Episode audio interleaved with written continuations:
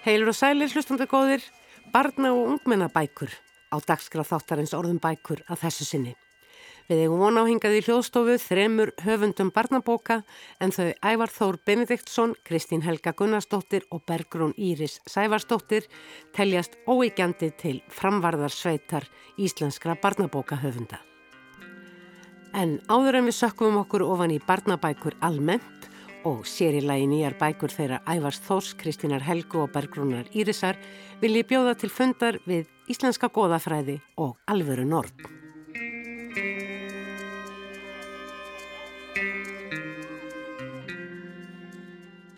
Heil og sæl, Kristín Ragnar Gunnarsdóttir sem nú í hartnær tvo áratögi hefur verið að skrifa barnabækur.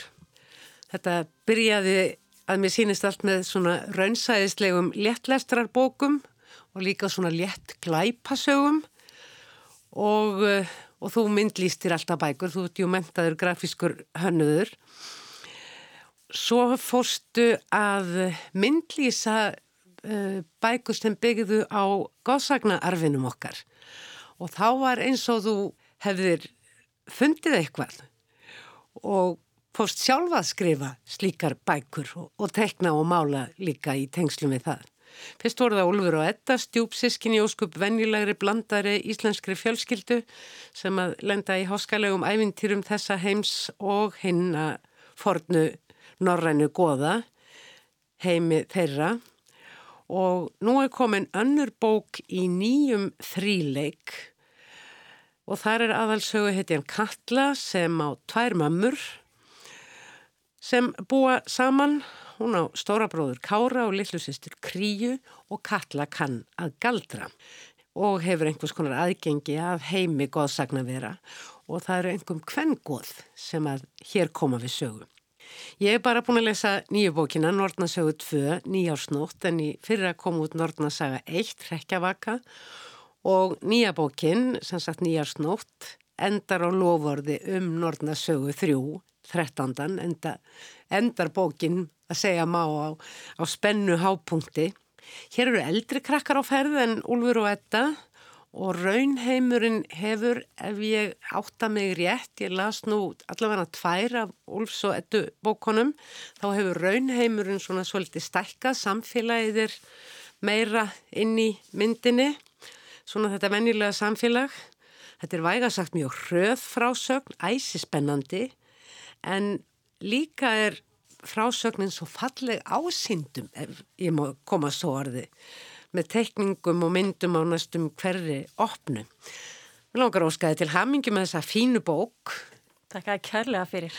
Og, eh, og byrjaðum að segja okkur svolítið frá þessari svona hugmyndinu að þessari bók, hvernig hún kom til þín eða kannski á ég að segja hugmyndunum því það eru svona nokkrar hugmyndir þarna. Já, þær eru nokkrar og eh, Ég fekk hugmyndina að þessari bókaserju á meðan að ég var að skrifa síðustu bókina um Eddu. Ég eh, er alltaf með fullt af myndum í kringum mig þegar ég er að skrifa og teikna. Þá er ég með fullt af postkortum og alls konar efni sem að tengist því sem ég er að vinna við.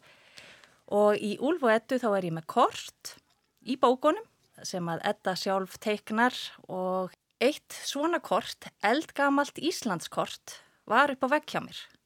Og ég er þarna að skrifa þriðju bókina, eflaust orðin svo lítið þreytt þarna þegar þetta gerist en mér fannst allt í einu bara eins og ég sæi hreyfing út, út undan mér. Og bara þannig að ég lít til hliðar á postkortið sem er þarna upp á vegg hjá mér. Og í raun og veru þá bara byrtist fyrsta senan í Nordnasögu Rekkjavagan ég bara sé hana fyrir mér þar sem að það fer að gjósa hér upp úr eldfjalli og það er hérna, ég sé börnin, köll og mána. Þetta og, er myndin á forsiðu bókarinnar. Já, á forsiðu bókarinnar þar er sem sagt þetta forna Íslandskort og þau eru stött á listasafn Íslands. Hún snertir kortið og það gís upp úr kortinu og þá gís í raun og veru ævaforn nord upp úr kortinu og það er hún gullveig sem er hér framann á fyrirbókinni og hún hafði fyllt mér mjög lengi. Hún, ég myndlisti hana í bók sem ég gerði með Þórarni Eldjóð, Völusbá og hún kemur fyrir í Völusbá Svo gerði ég hana aftur, aftur mynd af henni í bók sem við Ingun Ástísadóttir gerðum saman, Örlug Guðana og hún var alltaf á nafnspjaldinu mínu. Og í úlvaðetu þá lagði ég mig fram við að draga hvernpersonurnar framar á sviðið og leifa þeim að sprikla svolítið þar. Og, en hún fekk ekki vera með. Þannig hún fór að verða bara ansi fúl og bara hérna var orðin kröfu hörð og þegar ég sá þessa senu í raun og veru fyrir mér þarna, fyrstu senuna í fyrstu bókinni þá var hún bara mætti leiks mm. og þar steg hún fram. Og síðan nota ég völusbá og háamál svona, ég les á, á skapandi hátt í völusbá til dæmis. Þannig að það er minnst á gullvegu og heiði og það er í þessari bók hérna fyrir bókinni þá kemur heiður við sögu og hún er sýstir gullvegar en það er eiga þriðju sýsturina. Águrbóðu. Já, og hún stýgur svo fram núna í Nortnasögu nýjósnótt mm. þegar að Katla ætlar í raun og veru að fá heiði aftur til Íslands að þá gerist eitthvað óvænt. Sem að þýðir í rauninni aftur til mannheima, hún Já. hefur horfið til goðheima. Já, hún kvarf til goðheima en hafði búið hér á Íslandi í þó nokkuð tíma og, og þvælst hér að um sem völva í gamla daga þannig hún hafi verið hér í nokkrar aldir hún heiður og Katla og heiður urðu mjög góður vinkunur þannig hún ætlar að fá hana aftur yfir en þetta mislukast allt saman hún mm. kann ekkert að galdra þó hún hafi hæfileika og síðan er hún að reyna að ráði í það hvað er það sem hún hefur gert með þessu fykti sínu og þá gerist auðvitað ímislegt vegna þess að angurbóða hún er mamma Fenrisúlfsins, Heljar og Miðgarðsormsins. Þannig að eh, sá kemur þarna aðeins inn í söguna líka og síðan fylgja henni Úlvar sem setjast að í öskjuhlýðinni. Sem eru börnin hennar? Já, hún elur þá og, og þar er ég að vísa í hvæði úr völusbá líka. Það er margt undir í þessari bók. Mér skilst að í Nortnasögu 1 hafi kannski neysluhyggjan, samanber gullveig og gillibóð og svo framvegis verið svona undirliggjandi eða í rauninni svona megin efni. Það passar. En hér er það kannski lofslagsváin og það eru fjölskyldumál. Já tengsl innan fjölskyldu og hvernig fólk í fjölskyldum hegða sér. Það er ekki alltaf í góðu skapi og uppfullt af hugmyndum hvað allir geti gert saman og svo framvegis. Heldur er líka færið í fílu og stundum með skrökvað til þess að redda sér. Katla er ekkert uh, fullkomin stelpa. Nei, alls ekki. Og þannig eru, eru jól og, og þá vilja allir að sé hérna hlýja og kærleikur og allt saman en, en svo er ímislegt sem gengur á um jólinn hjá mörgum mm. og í raun og veru þá er það það sem þessi séri að gengur út á er vináta og hérna vináta og fjölskyldubönd og, og þau eru alls konar mm. þessi fjölskyldubönd en, en vináta þessara batna hérna Katla og Máni sem eru hér framann á bókinni það er vináta þeirra sem er alveg svona kjarni sögunar mm. en svo finn ég auðvitað hliðstæður hér og þar. Leggst ég einhverja rannsóknir í tengslum við þetta? Já, ég, ég leggst í mikla rannsóknarvinnu. Mér finnst það alveg rosalega gaman og það er stór hluti af hugmyndavinnunni. Þá er ég að grúska og, og fer líka þegar ég er á ferðalagi þá fer ég og er að svona, í svona fjársjóðsleita einlega, fer og leita mér að svona kannski einhverju skemmtilegu sem ég get þrætt inn í það sem ég er að gera og, og svona, svolítið svona eins og Lína Langsokkur þegar hún fer út að leita sér að fjársögum bara í svona dósum og svona. Mm. um, og uh, þetta skiptir mig miklu máli. Mér finnst hérna þarna fyrir Katla sjálf í grúsk.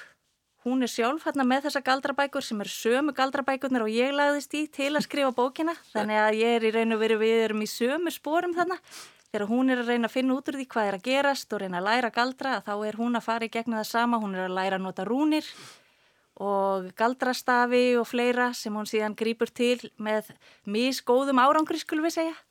Já, það, er, þarf kunnáttu og, uh, og þroska og til. Og svo er húmor auðvitað svona skemmtilegur þáttur Jú, þið barnabóka höfundar virðast nota, notfæri ykkur hans svo litið og líka alls konar vísanir í aðrar barnabækur og, og umhverfið en samt eh, svona temmilega. Já, já, ég vísa í þessum bókum að þá vísa ég Galdrakarlinn í Ós í, í fyrir bókinni og í síðari bókinni að þá er ég að vísa líka í vef, vefin hennar Karlóttu og hérna aðeins í Lísi Undralandi líka þannig að ég er í leiðinni þræði inn í svona nokkrar, nokkrar sögur. Fyrir utan svo að það eru þarna þó nokkra vísanir bara í hérna hetjur Íslendingasagnana jú, jú. og einhver skemmtilega atvik sem að tengjast þeim. Þannig að er skaman að sá fræjum sem að börn, það skiptir ekki öllu máli þótti fatti en, en það hérna það er aldrei að vita nema setna meir. Að þá áttu þau sig á að þau vita miklu meir en þau halda um þessi þessi fornur ít okkar eins og til dæmis völusbá og háamál ég þræði þarna erindi úr þessum hvæðum inni en reyna að gera það samt á á skemmtilegan hátt. Og, og... og þú skrifa líka eigin erindi. Jú, gerist svo djörf. Hérna, þessar þrjár, örstuðt, hvað var kjarnin í því sem að vildur þú leiða farið fram úr sögunni, finnst þér að hafa verið ommikið í bakgrunni? Nortnirnar, gagvart ég... góðunum? Já, og, og hvern personur uh, norrætna góðsagna? Ég bara vil endilega draga þær fram og þær eru svo ótrúlega spennandi og skemmtilegar og kraftmiklar og hæfileikaríkar og, og það er bara svo margt í þeim, það er ekki, það er ekki eitthvað eitt og það er marg hliða og mér finnst það er bara að bjóða upp á alveg sagnabálk ef ég á að segja eins og er. Þetta er nú sagnabálkur og þær eru sko ekkert bara góðar. Nei. Það eru líka mótsagnakendar og breyskar eins og manneskjötnar og, og bara allar verur kannski. Jú, jú, svo mm. sannarlega. Eigum við að lokum að fá svo litinn bút, ég var nú ekkert búin að ræða það við þig en Já, já, við skulum fá hérna bút. Þú veist auglust best hvað hendar að taka út úr þessari nokkuð löngu sögu þó hún, það gangi litur snögt að lesa. Já, renni hratt. Já, ég ætla að lesa hérna smá brot og við erum stött í öskuhlýðinni og Kári og Kría, sískinni Köllu, þau eru horfin og hún Katla, hún er stött í öskuhlýðinni og hún er að leita þeim og ég ætla bara stökkum inn í söguna. Inn í. Ég ráfaði stefnulegst um og galaði, Kári, Kría, eru þið hér? Eitthvað hreyfðist út undan mér. Ég namn staðar, stakk símanum í vasan og tókum stafin með báðum höndum. Hver er þar? Áður en ég gætt nokkuð aðgert hafði hvöss vindkvið að feikt mér um koll. Ég skall á bakið og misti stafinn frá mér. Þetta er ég. Kári, var kvíslað. Ég settist upp og það kvarlaði að mér að ég hefði fengið heilarsýsting. Kondu með mér. Kári, ert þetta þú? spurði ég í forundran. Vindgustur ringsólaði kringum mig. Já. Já, en ég sé þig ekki, saði ég. Ég er fyndur. Kvíslaði hann og straukst við kinnin á mér. Þá fekk ég hugmynd og fálmaði ofan í úlpuvassan minn eftir gjöfinni sem ég hafði ætlað að gefa mána. Áköfur reyf ég jólapappirinn utan af sápukúlustöknum og skrúfaði lokið af honum. Síðan bles ég sápukúlur út í loftið. Vindurinn hreyfði þær með sér og lagði af stað niður brekkuna. Sápukúlurnar sprungu ein af annari á nálum bartrjána en ég bjó bara til fleiri og fyldi kjölfar sápukúlu flóðsins í átt að nautólsvíkinni. Þangað höfðum við fjölskyldan farið síðastliði sumar til að vaða í sjónum og byggja sandkastala fyrir kríu. Skóurinn hafði vaksið allalið niður að gullinni ströndinni. Ströndin virtist í fyrstu mannlaus en svo raki ég augun í nokkuð sem skaut köldum hrolli niður hryggin á mér. Á bakkanum á ílanga heita pottinum satt risavaksinn vera í fótabaði. Ég færði mig nær. Þetta hlaut að vera tröllskessa, hún var svo stór. Úfið hárið á henni var eldraut og hún var íklætt loðfeldi. Auðvitað, galdra rúnin sem ég hafði rent fingrinum eftir á Þorláksmessu, hétt Þurs. Þetta var allt mér að kenna. Allt í einu nusaði skessan út í loftið og snýri sér við. Andlit hennar var yllilegt. Blátt leiftur lekum stafin. Tröllskessan rökk aftur og var næstum því dottin um koll. Ég fann fyrir nýstandi sásöka í vinstri unliðnum og slefti takin á stafnum. Skessan rétti úr sér og hvesti augun á göngustafin þar sem hann lá í sandinum. Af hverju er þú með sprota sýstur minnar? Rópaði hún. Tröllskessan stikaði átt til mín. Ég greip stafin en hikaði svo. Það rann upp fyrir mér að ég kunni ekkert að galdra. Hvað þóttist ég ætla að gera? Nú var ég ekki með forn kvæði fyrir augunum til að þylja aftur og bakk eins og á listasafni Íslands. Hvernig í ósköpunum átti ég að bjarga sískinu mínum? Mér fjallust hendur, skessan nálgæðist og hristi það sem ég sá nú að var tromma. Það ringlaði í drasli sem hjekk neðan í henni. Þetta voru bein. Ég stóð sem lömuð. Þetta er aldeilis æfintýralegt, Kristín Ragnar, eins og reyndar öll bókin. Takk kærlega fyrir komuna í þáttin orðum bækur. Takk fyrir að bjóða mér. Í síðasta þætti var mynd á mikilvægustu bækurnar. Fyrstu bækurnar sem börn kynnast og návonandi tengslum við og verða upphafið af æfintýri sem varir allt lífið. Æfintýri sem hefst upp og nýtt í hvert sinn sem opnuður bók. Það er auðvitað ekki síður mikilvægt að skrifa og gefa út bækur fyrir eldri börn, stálpaða krakka, ólinga og næstundi fullorna, svo kallaðar ungmennabækur. Í bókatíðundum ársins 2020 eru heilar fimm opnur þar sem í allra stista máli eru kynntar um 50 myndabækur fyrir yngstu börnin. Barnabækur skáldverk taka yfir fimm opnur, ungmennabækur eina. Óvinnu fáar ungmennabækur frumsendar á íslensku komur reyndar út í ár. Fræðibækur fyrir yngri lesendur og bækur almennsefnis nálíkt og ungmennabækurnar einni opnu, allt í allt millir 50 og 60 bækur fyrir börn, þittar og frumsamdar á íslensku. Það eru engum þær síðastnemdu íslenskar skáldsögur fyrir börn og ungmenni sem vekja áhuga hér og nú um leið og mikilvægi þittra barnabóka verður ekki nósamlega undirstrykkað. Það er spennand að fylgjast með útgáfa á nýjum barna og ungmennabókum sem meira segja eru farnar að koma út á sömrin en það er lesið áraðum kring. Fyrir utan að barna og ungmennabækur er eins og allar aðrar bækur spennandi og áhugaverðar aflestrar, þá afhjúpa umfjöldunarefni þeirra og frásagnarmáti líka svo margt í samfélaginu og tíðarandanum hverju sinni. Hvað þykir mikilvægt að börn lesi og hvernig þykir best að setja það fram?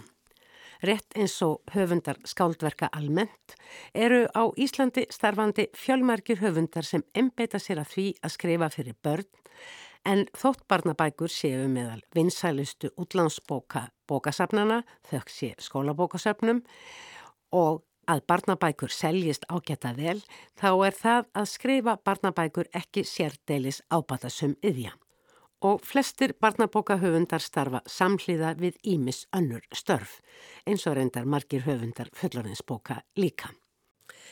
Eins og framkomi upphafi þáttarins eru hér með mér í hljóðstofu þrýr höfundar barnabóka. Bergrún Íris Sæfastóttir, Kristín Helga Gunnarsdóttir og Ævar Þór Bendiktsson sem sannlega öll teljast til framvarða í þessari mikilvægu grein bókmyndana að öllum hinum íslensku barnabókahöfundunum ólöstuðum. Öll hafaðu Bergrún, Kristín og Ævar skrifað tíu bóka og margar personuna sem þau hafa hugsað upp er í dag órávar hluti af hugarheimi íslenskra barna og fullorðina jafnveg líka. Velkomin öll sömul. Takk. Takk fyrir. Hvernig gerðist það að þið fóruð að skrifa fyrir börn og beinlýnis öll sömul að dæla út bókum ár eftir ár eftir ár til þess að breyða og, og já, sundurleita hóps. Kristín, þú fórst nú frekar sent af stað, er það ekki? Jú, og ég kannski fór óvart að skrifa fyrir krakka. Ég klemdi taug í baki þegar ég gekk með mitt þriðja barn og var första á solpallin með heima hjá mér og ákvað að skrifa niður alla sögurna sem ég var búin að vera að ljúa dætrum mínum frá því esku. Já, já. og úr var bara Elsku einhver dóðrandur sem endaðin að borði á Hildi Hermósdóttur hjá Málu menningu og það var árið 1997 og þá var ég náttúrulega svolítið leið á að vinna á fréttastofustöða 2 þannig að þetta bara fór mjög vel saman. Að, mm. að, þegar að, að binna kemur út og henn er vel tekið þá fann ég bara þarna nýja hlaupabrödd En þú æfar, þú ert mentaður leikari, Já. þú hefur skrifað leikrit og þú hefur gert ímislegt en þú fórst til dælu að snemma að skrifa fyrir börn. Já, þetta er sko, ég var með þetta að hugsa bara, þú bast upp þessa spurningu sko, alveg síðan í mentaskóla var ég alltaf með annan fótinn einhvern veginn í badnaefni, þú veist, ég var í hljómsveit en þegar við vorum að gigga, þú veist, eins og um, um vestunumannahelgina þá samti ég nýjan texta við öll lögin sem við spilum á lögataskvöldinu þannig að við gáttum verið með sko badnaprógram morgunin eftir með sögu sem ég bjóð til Aha. og við notuðum sömu lög þannig að við þurftum ekki að æfa ný lög nema að það voru badnatekstar þannig að þú veist við vorum að spila La Bamba um kvöldið en morgunin eftir var það saga um mann sem horfið bara á eina Disneymynd og lagi hétt ég horfið bara á Bamba. Þannig að, hérna, að, að þarna strax var ég farin að einhvern veginn að sækja í já, að búa til batnaefni og það er auðvitað aðalega vegna þess að bara það efni sem ég horfið á og las þegar ég var yngri hafði það mikil áhrif á mig að mér langaði að verða svo típa þegar ég erði Já. eldri, vonandi Þið langaði að láta að dásta þér eins og þú hafðir dásta höfundu dást, þeirra bóka. já, til dæmis að þú- og herra Gunnari Helgasinni til dæmis og, og, og Felix og alltaf þegar ég segi það við þá þá segja þeir mér að þegja að þeir eru orðin svo gamlir fyrst ég er að segja þetta Bergrún, þú kemur úr myndlistinni. Jú, ég kemur raun og verið inn sem myndhöfundur og byrja á því að myndlýsa tvær bækur. Átti vissulega annan draum að geta skrifað eitthvað en, en held ekki að það veri alveg minn styrklegi. Þannig að það er ekki fyrir en að ég á bara frekar skemmtilegt samtal við svon minn um vindin sem að mér finnst hljóma alltaf svona skáldlega og skemmtilega og, og samtalið okkar einhvern veginn var bara svo áreinslulega svo fallegt að ég ákvaða að skrifa það niður og það er orðrétt vinnu minn vindurinn bókin sem varð svo mín fyrsta bók sem ég skrifa bæði og myndlýsi. Akkurat, og síðan hefur það ekki stoppað. Laus. Það er mikil ábyrð líka að skrifa fyrir börn. Það er ekki hægt að skrifa alveg hvað sem er og hjá ykkur öllum á kenna svona ákveði megin erendi. Réttindi barna hafa komið aldrei við sögu í þínum bókum, eh, Kristín Helga, náttúruvernd og hjá ykkur öllum fjölbreytileikin, bækur og lestur eru þér stórt hugðarefni, Bergrún Íris, Íslandst mál. Og þér sýnist mér sko að þessi örfun hugmyndaflugsins alveg botlaust sem þú hugsaður um ævarfólk. já, það er það sem knýr mig áfram og mér langar að ná að bæta í, í tankana hjá fleirum. Hugsiði um þessi erendi uh, meðan þið erði í flæði skrifana eða er þetta bara eitthvað sem þið, já, hérna hef ég verið að hugsa um þetta og, og þið farið kannski svona eftir á þegar þið eruð að fara yfirferð að tengja þetta saman. Hvernig hugsiði svona um, um svona erendi? Það er oft talað um að barnabækur verði að hafa báðskap og sömur segja nefnir eiga alls ekki að hafa báðskap. Það Já, er rosalega töðar sem er fólki. Þetta er svolítið gildislegan umræða sko vegna þess að ég held að einna, bækur a- að sem leiti eru bara bækur, sögur eru sögur og ferðast á mill okkar og ábyrð höfundar er að vera ábyrgur höfundur, hvort sem hann er að skrifa fyrir börn eða fullorðna litlega stóra eða bara fyrir hverja sem hann sér fyrir sér, ef hann sér fyrir sér lesendurna. En ég held að bóðskapur sem slíkur sko, ég að fyrir mitt leiti er ekki, ekki meðut um það en ég hef alltaf erindi. Mér langar ekki að skrifa erindislausa bók. Það keirir mig áfram að ég er með rödd sem mig langar til þess að heyrist og, og þá er það ekki endilega mín rödd. Það er bara rödd sem að ég vil kasta fram. Ismail eh, til dæmis í flótasögunum minn er ekki mín lífsreynsla en hún er rödd sem ég verð að koma áfram. Þannig ég held að sé meira það heldur en einhvers konar boðskapur og ég held að það eigi við allar bókmentir, hvort heldur sem við tölum um fyrir yngri eða eldri. Ég persónulega er bara svo rosalega óþjóðlandi besefisir og er alltaf að skipta mér að fólki ef einhver leggur í fallarastæði eða hendir rusla göduna þá get ég ekki haldið kæftið sko. Þannig að ég á það til að vaða upp að fólki og segja þeim fyrir verkum og þetta er bara besta leiðin til þess að byrja að snemma á svona móta huga og koma sínum bóðskapu framfæri. En ég er í alvörinu, ég er mjög óþjóðlandi með þetta sko. Hafa alltaf vit fyrir fólki. Ég, þetta er svona bæ, stundum er ég meðvitaður um þetta og stundum ekki. Það er til dæmis eins og bara, núna í ári er ég með þín einn undirtjúb og ég er að, að vinna með hafið og, og eins og staðan á því er núna er, það er þetta leika sem er sæðskrimsli og, og hákalla og annað slíkt og, og hafa æmyndir heim í kringum fjársóð og eitthvað svoleiðis en, en líka er þetta þá koma inn á mengun inn á okkur er hákalla að ráðast á okkur, ekki bara því það er skemmtilegt fyrir söguna, heldur að því að út af mengun er það sem hann getur venjulega bara ekki lengur í bóði þeir ráðast ekki á fólk, við erum ekki góð á bræðið, sagði einhver og einhver vísendamæður sem gerði einhverja mjög vafasama rannsókn. Og þá er ég mjög meðvita með það bakvið eirað, ok, mér langar að koma þessu til skila, það er ekki ástöðuleysu sem, a, sem að þetta er að gerast. Þannig að þetta er svona bæ, bæði meðvitað og stundum passar akkurat inn í söguna en stundum alveg, þú veist eins og því ég skrifaði ofurhittju vítina fyrir nokkur mánu þá vissi ég, mér langar að gera bók um einelti og ég ætla að vinna algjörlega út frá því þema alla bókina mm. þannig að hún litast öll af því þannig að stundum er það minna ábyrjandi og stundum er það aðal líkillin mm. í verkefni Eitthvað sem þið langar til að tala Já, um og bara alveg svo, svo Kristinn kom með, með, mm. Ismail að það er bara saga sem þarf bara að komast út Mm. og þarf að segja og rödd sem þarf að heyrast Hvað finnst ykkur svona mikilvægast eða erfiðast þegar þið setjist niður til þess að skrifa bók? Þið eru jú að skrifa fyrir lesendur sem eru svolítið ólíkir ykkur og þetta er svolítið órætt. Það er stundum sagt að lesendur barnabóka eru yfirleitt á svipuðu aldursróli og aðalpersona bókarinnar en það er alls ekkit einlíkt því að eins og við vitum að mæta vel þá lesa börn til dæmis mjög gætnan upp fyrir sig og jáfnvel líka niður fyrir sig í aldri notabenni. Er það sjónarhortnið, er það málfarið, húmor er oft aðal barnabóka, börnum finnst gaman að hlæja og okkur öllum. Hvað er, uh, Ég held að það sé röddinn og, og hérna, þú getur sagt öllum aldursflokkum sömu sögu en þú velur bara röddina og, og mér finnst oft mjög gott að hugsa um baðstofuloftið þar sem að allir sátu og hlustuðu á sömu söguna. Og þessna hef ég kannski pritikað svolítið að, að flokka ekki barnabækur alveg onni skókassan og lokonum þú talar um fjölskyldubækur Já, ef ég mann rétt. ha hafa þetta opið því að við leið okkur öll að sögunni saman, vera svolítið saman á baðstofuloftinu. Því ég veit alveg að börn eh, mjög oft eru ekki ein með bókinni og, og, og það er ekkit fallir að heldur en þú nær til nokkur aldurshópa í samtali og það eru mínar uppáhaldsbækur og ég held að, að ég get sagt uh, tíu ára dóttur sinni mínum frá hörmulegum skilnaði þar sem börnin eru bitbein og, og alls konar drama í gangi. Ég get sagt honum þessa sögu með einni rödd og sagt vinkonum minni hana og þér líka með annari rödd og við erum samt alltaf að segja sömu söguna.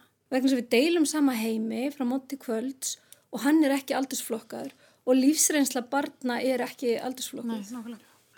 Þetta er bara ótrúlega merkilega þessi aldurs, þessi þörf okkar til þess að vera alltaf að fá stimpla á aldursbókum og það hún er sérstaklega óveðandi kannski núna af því að læsi hefur verið svona að fara rækandi kannski, batnandi aftur, en þá eru krakkar miklu ófeimnari við að taka upp bækur sem eru ætluð kannski allar yngstastígi ef það stendur ekki aftan á henni bók fyrir 6 ára, eða hendar vel fyrir 6 til 8 ára. Ef þú ert 12 ára og senlæs og þið langar að lesa þessa bók, þá á ekki að merkja hana sérstaklega þannig að þessi bent á það að þú sést senlæs.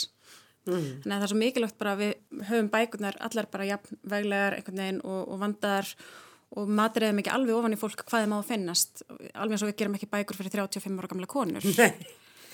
Mann sko mínar fyrstu bækur voru með mitt aldri aftan á. Já, og eftir það ákvað ég að fjarlæga það að því að mitt fannst það engan veginn eiga við. Og, og það er líka bara eins og ég gaf út í vor gaf ég út hrollvökjubók sem er mjög gróf hrollvökjubók, hún er ógeðsleg. Og hún átt að vera það hryllilega stuttar stuttar og hérna styrsta er tvær setningar en hún er með sama letri eins og er í léttlistarabókunum mínum. Hún er með myndum við hverja einustu sögu.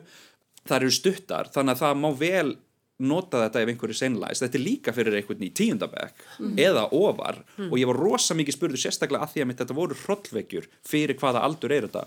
Og þá kemur nýtt lag af spurningu fyrir hvernig er þetta því hrollvekjur þú getur þólað þetta þegar þú ert 8 ára ef þú ert svo típa. En, 100%. en svo ef þú ert skiluru 50 þá er þetta kannski hræðilegt fyrir þig það bara fer eftir því hvernig manneski þú ert þannig að einmitt að burt með aldurs Fyrir Tölurnar aftan á bækur. sem þú segir sko um, um hérna ymmið þetta með sko þegar við erum að alast upp og þetta er svo nýtilkomi svona markas og sölutæki, þetta er það auðvita mm. að aldurs setja bókmyndir að sko þegar ég er að alast upp þá er sem betur fyrir e- ekki mikil aldurstakmörk á bókum og alltaf verið Voru bara svo fáar bækur, maður las allar. bækur og og fullarna fólki í kringum mann var að óta að manni alls konar dramatík sem að maður kannski hafði ekki alveg þroskan til að lesa en komst alveg klakklust Mm. í gegnum Hall og heiðabíli tíu ára gömul ég meina Þú að- bara úr bókinni það sem þú þarft og það Já. sem þú skilur og það Já. sem þú skilur ekki þú skautar svolítið framhjá þig. Fyrir utan það að höfundurinn náttúrulega bara veit kannski ekki hver Mm. er rétti lesandinn hans. Hann skrifa bara bókina og, og hún finnur sinn rétt að lesa þetta. Og fyrir mig eins og með kennarinn sem hvarf, ég var búin að algjörlega hugsa þessi miðstygsbók en hún er lesin rosalega langt niður. Og ég fekk alveg svona snút í magan bara, ert að lesa þetta með fimm ára batni og guðminn almáttur og svo fór ég að lesa hana aftur með fimm ára sinni mínum og bara já, það er alveg hægt. Mm. þau, maður bara velur hversu miklu áherslu maður setur á ákveðna hluti í bókinni og krakkar bara handvelja úr það sem hendar þeim þau eru líka bara gangi gegnum alls konar sjálf algjörlega Það er ekkert mikið verið að taka tillit til. Eiginlega treyst að það sé samtali í, í kringum bækurnar og ef maður er ábyrgur höfundur að þá skilir þetta sér. Ég starfaði einu sinni í hópa við um Assitei sem eru alþjóðlega leikusamtök og við fórum til Kúpu með leikhópi og, og hérna, sviðslistamönnum og höfundum og vorum að vinna í skóla þar og þar eh, var verkefnið og hefur verið í þessum, eh, þessum vinnuhópi tabu í barnaleikusi. Hvað er tabu? Og niðurstaðan er alltaf svo sama, alveg sama í hvað landi hópurum vinnur, það eru engin tabu, þetta er bara spurning um það hvernig þú segir frá því og, og hvar þú skilur eftir. Þetta er eins og einhverju höfundur sagði sem mann ekki svipin hver var, þú tekur í höndin á barninu, þú leiðir það í gegnum alls konar hilling, alls konar ógnarslóðir, passa að sleppa, aldrei, ég held að Astrid hafa bara sagt þetta, aldrei sleppa höndinni og fylgdu því aftur heim. Þá er þetta allt í leið og þannig er það líka með bækur fyrir fullarna.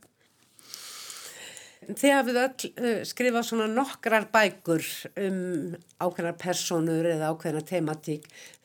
Þín bók, þín eigin undirdjúb, ævar þór, það er hvað sjönda? Eh, Þín Þetta er eigin sjönda stóra þín eigin og svo eru komna sex svona stuttar, svona litlir afleggjarar úr, e einn úr hverju bók. Já, og svo, uh, svo hefur náttúrulega líka, hvað eru, fjórar uh, benskubrek. Fimm, fimm benskubrek æfars og svo er svona ein og ein Mm. inn á milli. Hvað er þetta með svona framhaldi í, í barnabókum? Er þetta, þetta bara gamla? Segðu mér sögun aftur, söguna frá því í gær. En þó með tilbreyðum, eitthvað aðeins öðruvísi. Já, sko, maður náttúrulega finnur að eitthvað er að virka og þá Mm. er það gaman fyrir mann sem höfund að finna þetta er að fá góð viðbröð, þannig að ég ætla að halda Já. áfram. En þetta er líka spurningin um að, þú veist, ég mun halda þessu áfram að meðan mér finnst þetta gaman. Um leið og mér að leiðast þetta, ég er alveg með hugmyndir að alls konar öðru sem er að orðnar mjög pyrraðar á að ég sé ennþá að skrifa þetta en þetta er það sem mér finnst mjög gaman að fykta í akkurat núna. Og sérstaklega þegar það fær að tegja sig yfir í bara eins og þittiði leikrit í þjóðleikúsinu og, og í staðan fyrir að- velja na, með því að fletta þá eru allir konum með fjastringar og þú veist við erum að nota formið og tegja það og tósa til en grunnurinn er samt alltaf bókin og val lesandans og, og það er bara heimur og form sem mér þykir ennþá mjög skemmtilegt að fykta í og líka reyna að snúa upp á það nú er- Meinar þín eigin Já, formið? já, nákvæmlega. Stöldurum að þess, þessa bók, þú ert náttúrulega ekki bara með þessa bók, þú ert líka með, eins og sögðum, hryllilegar hrottveikjur. Já, það er komið í vor, rillilega stuttar hólflegjur og, og svo tvær léttlestrabækur sem að komu eða stuttar mér svona, Stuttar þín eigin. já, ég er, ég er hættur að kalla þetta léttlestrabækur af því að það er mitt krakkar að lesa þetta alveg upp í níunda, tíunda bekk. Þetta eru stuttar þín eigin bækur. Mér finnst eiginlega það vera betra nafn. Það er erfitt að segja að maður hafi lesið bókina frá upphafi til enda, þín eigin undirdjúb til dæmis. Einmitt. En uh, ég uh, las vitt og breytt. Ok, vel gert. Já, og, um, og ég veit að þarna eru sko, við erum í undirdjúbunum Einmitt. og við erum í kafbát Einmitt. og uh, það eru þrýr skipstjórar á þessum kafbát Einmitt. og þeir þurfa að fá einn í viðbót til þess að geta tekið ákvörðun Já. hvaða leið er, hvaða erindi þeir eiga að fylgja eftir Einmitt. því að einn vill gera kveikmyndum, heimildakveikmyndum bermúta þrýrningin, mm. -hmm. Hafdís vill uh, hérna finna fjársjóð, hún er ævintýramanniska og svo er þarna, heitur hún ekki Alda, jú. Jú, prófessor Alda, prófessor mjög mikilvægt að segja, prófessor, það. Hún er með gráðu. Já, og hún vill finna ókveikjandi skrimsli sem hún veit að Já, er þarna. nákvæmlega. Og hugmyndina þessara bók, hvernig, hún kviknaði í ungbarnasundi fyrir einu og hálfu ári hjá Snorra í Mosó strákurinn minn og okkar vétisar var í, var í ungbandasundi þar og hann talaði stundum um að börnin var að koma úr undirdjúbónum þegar þau kemur úr kafi mm. hvað er leynist undirdjúbónum, sagðan stundum Já. Og ég átti að sjálfsögðu að vera einbindað mér að barninu mínu en þarna hugsaði mér og datt strax í vinnugýrun og hugsaði að þín einn undirdjúp er mjög skemmtilegu titill. Að því mér var búið að langa til að gera eitthvað neðansjávar en var veginn þitt eigið neðansjávar ævind, mér vantaði rétta titilin Stuðlar. já, nákvæmlega Þurfturðu að lesa þér mikið til Sko- því að þú ert þarna með ímislegt ert með Atlantis og með Já. Bermudarþrýrningin Sko- og vísar til sagfræði í því tilliti og Já, ég, sko, ég Svona náttúrufræðin? já, ég var með Bermuda þrýtingin á heilanum þegar ég var yngri og hérna þannig að mér finnst indislegt að ná að kynna Bermuda þrýtingin fyrir nýrri kynnslóðar. Mér finnst fólk ekki hafa nú miklar áhyggjur af Bermuda þrýtingin núna árið 2020, en kannski fleiri hlutu að hugsa. En, en hérna, fólk er ennþá að hverfa. En það var sko. þetta og blíætrun og það var svona ákveðin hlutir sem við, okkar kynslu, það er rosalega á, mikil á, Já, garnaflækja. það er í hreinlega stundum Já. hróllvíkjum, það er, við taklaðum það þar. Á ósanleginu. Einmitt, mér langaði að tengja bæði saman um mitt fantasi og svo raunveruleikan að því að þetta stóra sæskrimsli sem að profesor Alda er að leita það er kallað blúpið og það er byggt á hljóði sem náðist eh, hjá sovjískur eh, hérna, bandarækjumenn settu niður hljóðnema og dreifðu út um allan heim til að reyna að njósna um sovjíska kafbáta hér í den og náða á upptöku hljóði sem engin veit hvað er. Og það er á YouTube og þetta er gríðalega óþægilegt að hlusta á þetta hljóð vegna þess að þetta er klárlega eitthvað og það er mjög stórt. Þetta eru svolítið nördalegar bækur. Já, ég er líka nörd og mjög stoltur af því. Þetta er bara sama og ég gerði með þættinum ævar vísindamann, þú lærir óvart eitthvað. Það er það gaman að þegar, og þú horfir og þú lest en þegar þú ert búin með bókin, það er búin með þáttin þá fattar allt í henni, hei nú veit ég að nefið og hákalli heiti trjóna og það er bermútaþrýtningun og það er þar og það er til eitthvað sem heitir blúb og ef þú ferð of djúft að þá getur þú fengið köfunaveiki ef þú ferð of hratt upp og hún virkar svona. Þannig að íkjan Já. samt í fantasíuna Já, akkurat.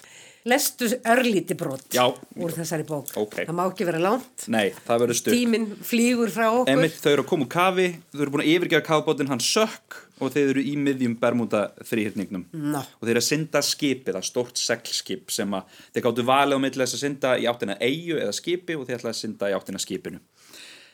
Þeir komist loksins að skipinu, prófessor Alda er fyrst, svo þú og síðastur er Sæþór.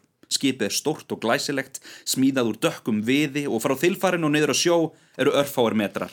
Og Sæþór kemur svamlandi til þín á hundasundi. Hvernig komumst við um borð? spyr hann móður og másandi. Þetta er of hátt og of sleift, við getum ekki klifrað upp í skipið. Þú treður marfaða, og svo er hérna orðskýring á orðinu marfaði. Að tróða marfaða er ótrúlega furðuleg sundaðferð sem geti líka verið kölluð reyndu eins og þú getur að drukna ekki. Þú sparkar út í loftið og reynir að halda þér á floti. Vonleysi fyllir hjartað þitt. Hérna, heyrist skyndilega í prófessor Öldu. Þú skimar í kringum þig og sér að hún hefur haldið sundinu áfram, röddin best frá hinni hlið skipsins. Og því Sæþór syndi á stað eins og því lífaði leysa. En allt í hennu sérðu skamt frá, kannski um 30 metra í burtu, er manneskja. Hún flýtur með höfuðið upp úr vatninu og starir á ykkur. Manneskjan er of langt í burtu til að þú getur greint hver þetta er og auk þess er hún með sólina fyrir aftan sig þannig að það er vond að horfa á hann of lengi. En þú sérð samt, þetta er ekki eitt af ófétunum sem reynda að ráðast inn í kafbátin rétt áðan. Þau hreyfðu svo öll á furðulegan máta með kippum og látum. Þessi manneskja verðist vera mun rólegri, hún flýtur bara og starir. Kontu, kallar profesor Alda hátt og þú rankar við þér. Hún er komin langlegan upp kaðalstiga og Sæþór fylgir spenntur og eftir. Þú lítur aftur í áttina manneskjunni í sjónum. Hvorki Sæþór nýja profesor Alda verðast hafa tekið eftir henni. Og nú stoppar bókin og býður ykkur að velja. Viljið þið fara upp kaðalstegan eða aðtúa hver er að fylgjast með ykkur? Þetta er ótrúlega bók og það er gott ráð sem þú gefur í upphafi að nota lestrarmerki. Já, bókamerki allavega sjö stykki er það mælt með þeim. Já, ég var komin, farið að vanta putta til Já, þess ég hef síðan ljósmyndir af börnum sem einhvern veginn eru um ekki með nógu marga putta til að geta lesið almennilega. Akkurat. Kristín Helga, þú gafst lengi vel út barnabækur um ymsar uh, svona personur um Móa Rekkjusvín og um Fíusól og um Binnu, margar bækur um, um Fíusól. Svo núna síðustu árum hefur verið að skrifa svona ymsar bækur. Þú hefur skrifað eina bók fyrir fullorna, þú hefur skrifað úlingabók sem er hérna flótasaga Ismails og svo hérna fjallaversmiðuna sem er ungmennabók fyrir svona næstum því fullorna eiginlega og en núna ferðu aftur tilbaka til fíusólar, Já, elskunar litlu. já, já, já. Þetta er sjönda bókin um fyrir sól og hérna, ég hugsa að þetta sé svolítið trúnasamband sem að maður stopnar til og það er svo gagkvæmt þegar maður áorðið svona stóra naðdándahóp sem ég vil orðin fullorðin því að mm. fyrir sól kom fyrst út fyrir 16 árum að þá hérna og pressa á mann að komi fleiri þá er þetta svolítið eins og minnið til sjónastáttunum Friends. Já. hvaða var notalegt alltaf að hitta þetta gengi. Og það er svolítið þannig krökkum finnst notalegt að hitta físól aftur og mér finnst eh, alltaf auðveldar og auðveldar að hreyfa mig sem heimi. Ég, ég ól svolítið upp fyrir það að hugsa ef ég lendi vandræðum kom til lína langs og ég geri þessu. Og fann svarið og þá gæti ég haldið áfram og ég er án þannig, ég hugsa, hvað myndi Fíasól gera hér? Og ég veit hvað hann myndi gera. Og þá er maður virkilega fann að þekka karakterina og, og bara umhverfið. Og, en ég átti alltaf þessa sögu. Hún var skrifuð og tilbúin um fæðingu Fíasólar og ég hugsa alltaf að vera svolítið fyndið að kalla á í jólabókuflóðinu á fæðingu frelsarans eða Fíasólar eftir í hvað skiljiði, fæðingasögur eru merkilegar alveg sama hver er Þannig að ég með mér, eh, ég átti þess að sögu og ég ákvað bara að, að, hérna, að skrifa hana. Átti hann alltaf að skrifa það en fannst ekki leiðina henni rétt, taland um röttina. Og svo... Og var hún í, í bundnum áli? Nei, hún var nefnilega ekki í bundnum áli og ég hugsa alltaf, röttin er ekki rétt, ég þarf að finna röttina. Mm. Og svo datt þetta onni í hausin á mér að, að ég hef nú verið svona skúfu hvaðakelling og aln uppi mikið mikið ljóðaraus og, og, og klæðskap, já, alveg og, og allt verður verið kunstanna reglu og þú mátt ekki, sko, hann má ekki dett út eða neitt sem er illa orrt, þá skaltu bara sleppa því, ég var í alnum fyrir, þannig að þetta var nú eitthvað sem ég þorði var alltaf að koma nálagt svona ofinbarlega, en, en ákvæmsamt að láti skara skriða, sérstaklega út af því að ég held að bara það hafi ekki gerst í háa herrans tíð, að heil saga í hundra síðum komi í bundnum máli, ekki síðan kannski Gutti eða Pálli Árdal sem var algjörlega mitt uppáhald og ég kann utan að nú ætla ég að segja sögu þér. Ég set þau upp, þú bara trúir mér. Það var í fyrra voru morgun stund að ég vaknaði og sko sætum blund. Þetta sko kann ég utan bókar og börni mín. Og ég klætti mig í kjólinn rauða nýja og þá kallaði hún að maður sussu bíja og allt þetta. Og svo mætur hún með vöndin já, og, og, mað, og krakkar læra þetta eins og rap. Bara daga daga daga daga og, og mér fannst það forvinnilegt. Þannig ég ákvað að gera þetta svona og minn frábæri útgjáðandi uh, Pál Valsson hann sagði þá voru nú að fá til liðsviði einhvern sem kann almenlega rittstýra svo við hóum í hvaðamálar á þeirra Íslands sem er Ragnar Ingi Adalsteinsson og hann var yfir og allt umkring og það var ótrúlega gaman að vinna með honum og, og einhvern veginn svona undir hans handleðslu mm. og úr varð þessi förður saga. Já. Hún er mjög skemmtileg og verður náttúrulega ákveðin hrinnjandi, svona drífandi. Já, og ég vona að þau læra hana utanbókar það er eiginlega markmið eins og maður læriði eh, sko hérna en hvað það var skrítið mér fannst mm. það svo skemmtilegt. Og líka eh, það eru nokkrir kennara sem hafa haft samband við mig sem eru þegar búin að grípa hana á lofti og, og þakka fyrir að geta nota hann í kennslu af því það er svo gaman að kynna fyrir krökkunum brakfræðina þannig að hún skiljist og sjáist og, og heyrist. Já þetta mm. form og hvað það er hægt að gera mikið með tungumálið og um leið náttúrulega leggin er við orð af því það er ekkert sem eru að flóki fyrir börn. Það er bara spurning hvernig það er matreitt og, stóri kannski pitturinn að varast að þetta ekki er að tala niður til krakka. Það er nú eiginlega það. Fáum svolítið brott. Úr fíusól og fyrirsól. Þetta er sem sagt fæðingarsaga fíusólar og, og í aðalhuturki er Pippa sýstir og hún er drottningi sínu ríki og er með allt þetta lið í vassanum, stóru sýstur og, og foreldrana.